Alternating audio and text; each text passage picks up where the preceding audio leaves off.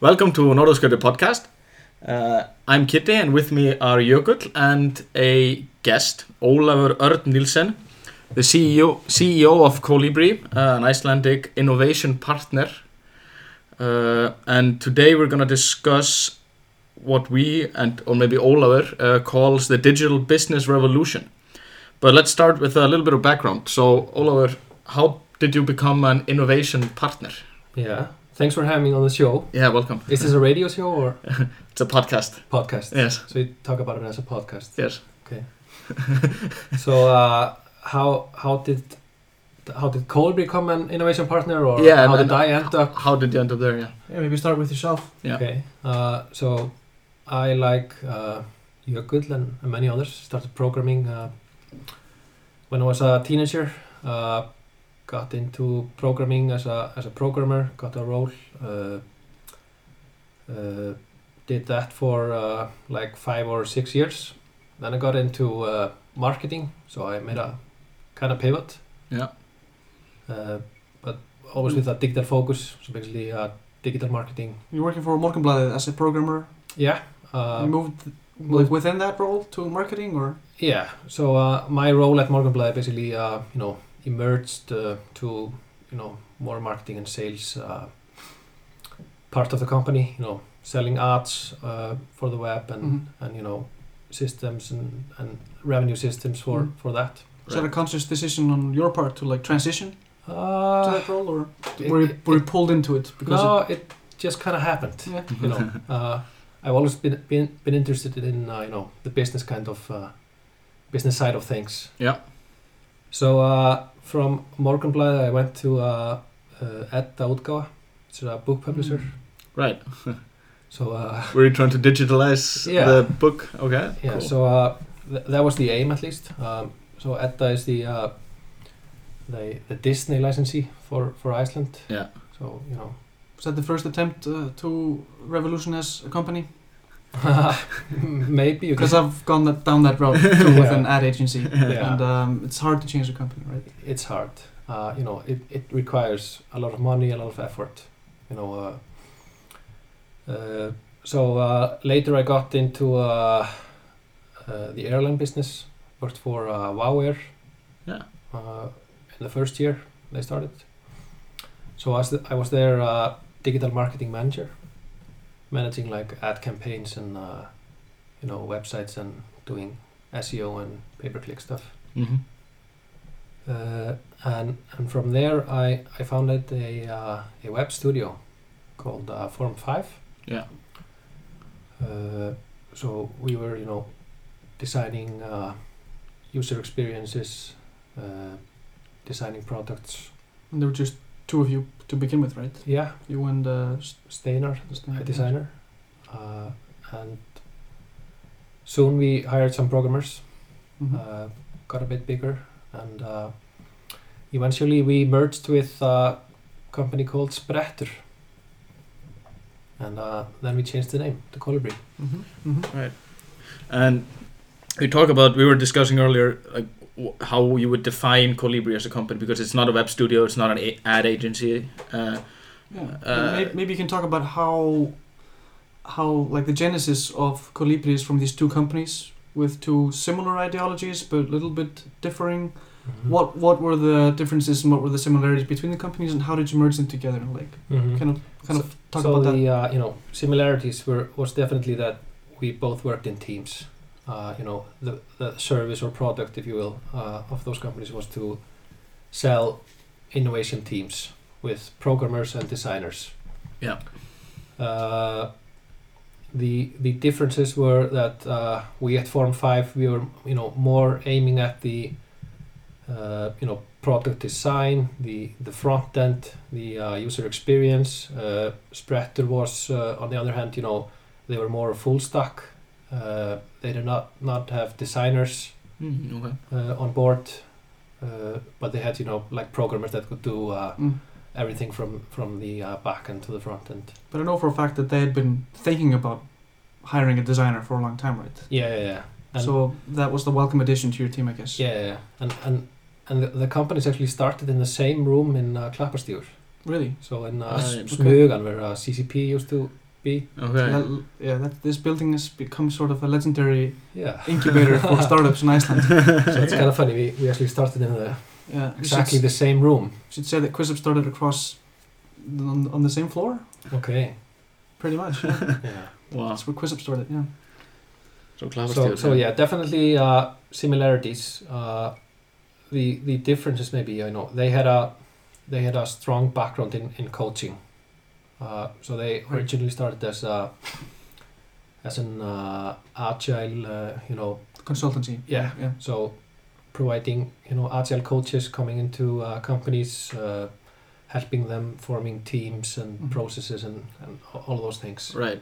And you carry some of that legacy by you host a conference still, the Agile conference in Iceland Yeah. every year. And and we basically we, we don't sell you know we are not in the resource business. Mm. We are not selling you know programmers that can do you know some work. Mhm. We're basically selling teams, and, and that team always comes with a, a team coach. Mhm. Mm, interesting. So uh, you know coaching is a, is a strong part of our DNA, really. Yeah. And uh, when you say innovation partner, could you maybe elaborate a little bit about on that? Like, uh, what differentiates you from, let's say, a, a web design studio? Mm-hmm. Yeah, or even take it back a little further. Like, what's what's your process like, and getting a new client on board, and what kind of work do you do, and then how do you then become an innovation partner? What does Mhm. that mean? So so maybe maybe to, to start to begin with, uh, you know, why do we exist? Right. So Yeah. uh, this uh, this thing about you know the digital business revolution. Mm-hmm. So uh, uh, a few years back, uh, you know, Airbnb and Uber they they you know disrupted their businesses, Mm-hmm. uh, and and after them followed you know tons of other startups that are, that are you know disrupting other businesses. Uh, the digital business revolution is is a is a response to that. You know, companies are now realizing that uh, they have to do something, uh, and and they have to uh, innovate and they have to build products, and the the way that they have been working, you know, the the traditional IT processes Mm-hmm. Uh, where you you know combine things like you know uh, running the CRM systems and and and you know combine that in the same team that is doing innovation that is basically uh, not working. So our, value proposition is that uh, we come up, come in with a with a team that basically you know uh, knows the startup culture knows the uh, processes that are used by startups. So we are helping companies, you know, taking the best parts from from startups and you know incubating them into their processes. Right. And uh, we we can you know our clients and and you know many people they some, sometimes talk about it as you know founding a, a virtual company inside the company. Right. So Mm. there are But different. then they don't want to insulate that completely. They want that to kind of rub off on their staff and their their ways of working on ideas and Yeah. getting them out the door. yeah. And are you seeing are you seeing that already? Like some companies where you've where you've come in, released a product, launched it, and left, and, and you can see some some some germs like multiplying and stuff happening. Yeah, definitely. And, and we also have, you know, clients where we where we originally maybe came in for a certain project, Mhm. but we are now partnering partnering with them, you know, to turn them into a innovation house. Right. You know, expanding on on what we did with that project, Mhm. uh, which did, you know, really well. Yeah. Uh, and helping them, you know, use Mhm. the same processes for for other teams and other projects. So would you say like, and kind of on that note, would you say that you're bringing some of the sort of cultural elements, not necessarily exactly how you do it, but uh, like the cultural aspects of a startup, where it's where it's where it's young and fresh, and you know, I don't know. Yeah, uh, I think the uh, you know key word there is you know autonomy. You know, Okay, it's okay. the uh, you know team-based uh, culture where where you where you trust the team to make the decisions. and it has everything that like, eh, what's this word at QuizUp? That's quite a popular thing. Like, It has mastery. It has everything it needs, all the resources it needs to uh, fulfill the task or, like, Yeah, or, or finish Right. the project. Because you know fully cross-functional teams. Yes. Right. You know they are not dependent on a, another department. you know. exactly. There's not a you know database expert that they need- they need to you know Right. So it's a Talk small to- and nimble unit. yeah Um, that They can, can- you know take the the you know product development process from from A to Z. You know. Mhm. Yeah, the uh, the dream of every agile thinking person is a team like that. Yeah. Um, uh, let's talk a little bit more about the digital business revolution. You say you talk about like companies, and then you're obviously talking about the incumbent companies, the old companies Mhm. that have been there for quite a while, uh, are realizing now, maybe you know, a couple of years later, Mhm. that you know the smartphone, it's not a fad. Uh, the internet, it's actually a thing, etc. And they need to get on board and you know play in that pool, play and be part of that game, so that they in, won't end up being just you know become irrelevant. Mhm. And you are you're a partner in making that transition Yeah. and helping them do that. Uh-huh. Um, So so we are you know we are seeing huge amounts of investments going into these efforts. yeah, So you know, uh, In Iceland or across the world, you talk about a revolution. yeah, in, You're referring in, in to a Iceland huge at least, trend. you know, Okay. that, that is Okay. my space. That is, that is what I know. Yeah. Sure. Uh, so you know, you on on Norðurskauti, you've been you know uh, covering investments in Iceland. You Yeah. know, going to uh, startups, and I, I think you know there's not less money going into Hmm.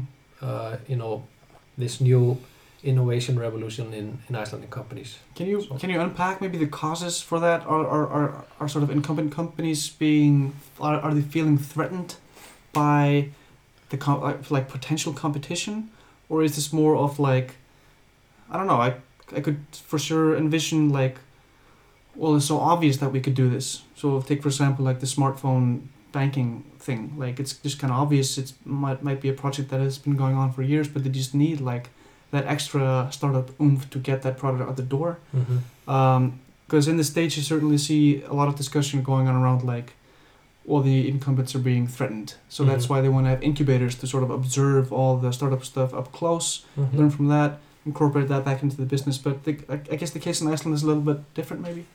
Well, I, I, I think you know the threat is a, is the big driving factor. Okay. You know, Mm. you know Airbnb was not a you know Mm. one example. You know, uh, it's not a matter of you know if it's a matter when. mm-hmm. You know when your business will be uh, disrupted. Mhm. So uh, you know you talk about you know the the banking system. Mhm. You know uh, like fintech startups. Mm. You know they are not only making digital products that you know the banks could be making. Uh, they have a, a whole another viewpoint on banking. right. And, and you know, that's what I'm talking about when I talk about you know the culture. Uh, Yeah. yeah, companies need uh, a different eye to see things differently. Exactly. You yeah. know, uh, banking consumers of, of the future they they will not you know look at Mm. traditional banks as as their you know preferred partner. Yeah. No. And Yeah. disruption theory here is extremely interesting. Kind of formalizes how exactly this process starts, why big companies would kind of dismiss opportunities, um, and why smaller companies might see things a little bit differently. So, Mhm. So they're, they're shifting the focus, uh, like, f- like the focus that you're solving a real problem for a user is maybe not the focus of the many of these incumbent companies until they f- figure out that they need you. Yeah. So they say, wait, we have users and we need actually to serve them. That has to be our main goal. Mhm. Uh, and if they don't know how to do it themselves, they might call you. yeah. do you have a do you have a message to entrepreneurs that have that might be getting excited about starting their own company? Mhm. Um, is there something to be said for for this revolution that you're talking about? Like something that might be not you know might not be getting the focus that it should from potential entrepreneurs. Well, uh, you know, it's the advice I would like to give to you know entrepreneurs starting uh, you know their startup is uh, you know focus on on time to market. You know, uh, be as short in the uh, as you can in the you know startup phase where you're you know a startup doing startupy things. Mm-hmm. uh, try to get the product as quickly on the market as you can because uh, you know when these large corporations uh, you know come in on the market uh, they they tend to act very quickly uh, Mhm. they tend to put more efforts into marketing and uh, sometimes we see you know examples where uh, you have startups in the in the scene Mm. Uh, then comes a uh, you know a traditional company with with a, a similar product and, and swipes the market. We had just this happened like three months ago in Iceland, I think. Like, uh, or well, uh, I obviously don't know usage numbers, but there are all of a sudden there were two Icelandic smartphone apps around friend payments. Yeah. So we had one uh, called Sway, like the social way to pay, which had been a startup, just got an investment from Investa. Uh-huh. Then like two weeks later, Nova and somebody else came out with Augur. Stocker. Nova and Stocker, yeah. I- I'm actually referring to that. Yeah, yeah, yeah, okay. Yeah, so that's uh, Yeah.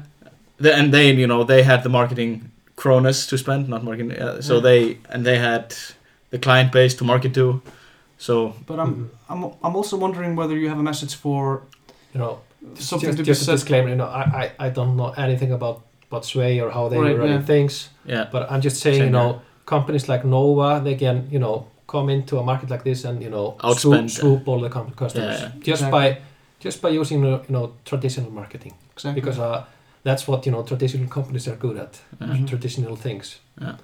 Um, yeah, I guess I guess um, the question I had before is like, if I were an entrepreneur and I was excited about starting my own company, but I might also be swayed by your arguments for like uh, incumbent companies creating new products and making things exciting. Mm-hmm. Um, what's the way to get into that? Like, how can I get in on that party and these products and this innovation?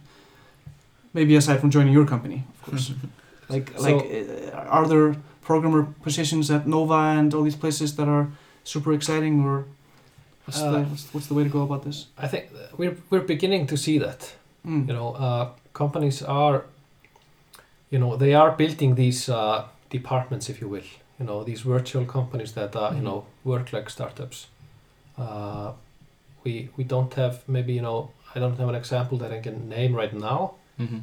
but uh, we are working with a new client, Okay. uh, and and and they are they are making like you know innovation labs inside their Oh, company. cool. Uh, so so it will have an, you know a, a brand name to the outside world. Wow. Okay. So cool.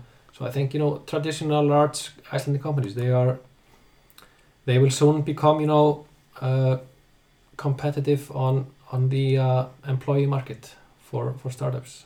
Excellent. That's very interesting. Um, your your project that we wanted to right. put a little uh, focus on. Maybe. Yeah, so my uh, one of just one of the most exciting projects I read about, and you know, because I just it baffled me just just seeing the connection between you know, uh, like a just software and what it's doing. Like it, it completely opened my eyes to new things. What software is touching. So it was announced a couple of months back that you had reached an agreement with Landsnet, which is like the official company that supplies the electricity connections or something. Like it connects electricity to the whole country. Yeah, it's like basically a, a power grid for us. Yeah, power grid for Iceland.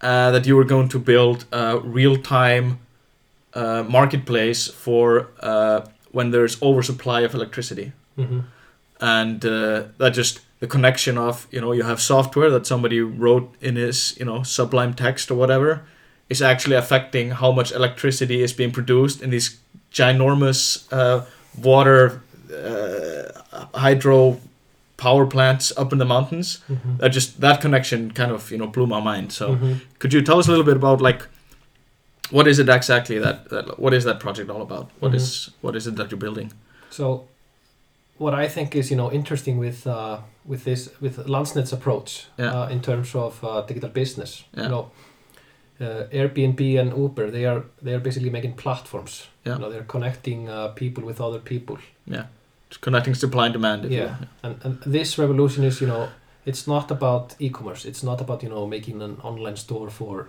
for X or Y. You know, and uh, Landsnet is is not making an onli- online store for ele- electricity. no Uh, they are basically, as I said, you know, they're the power grid. hmm So they are the platform.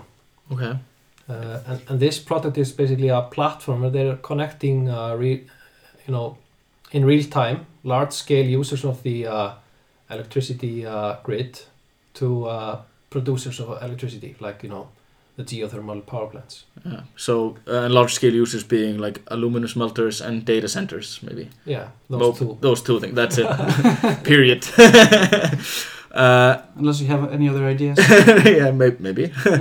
uh, and so this platform will be a, you know, the the, the producers can say, hey, uh, market, we have extra this much electricity Mhm. Overcapacity. overcapacity Uh-huh. uh, that's not being used, and the data center can say, hey, we can buy that at this price, and then you'll usually get it cheaper or something, uh, or what?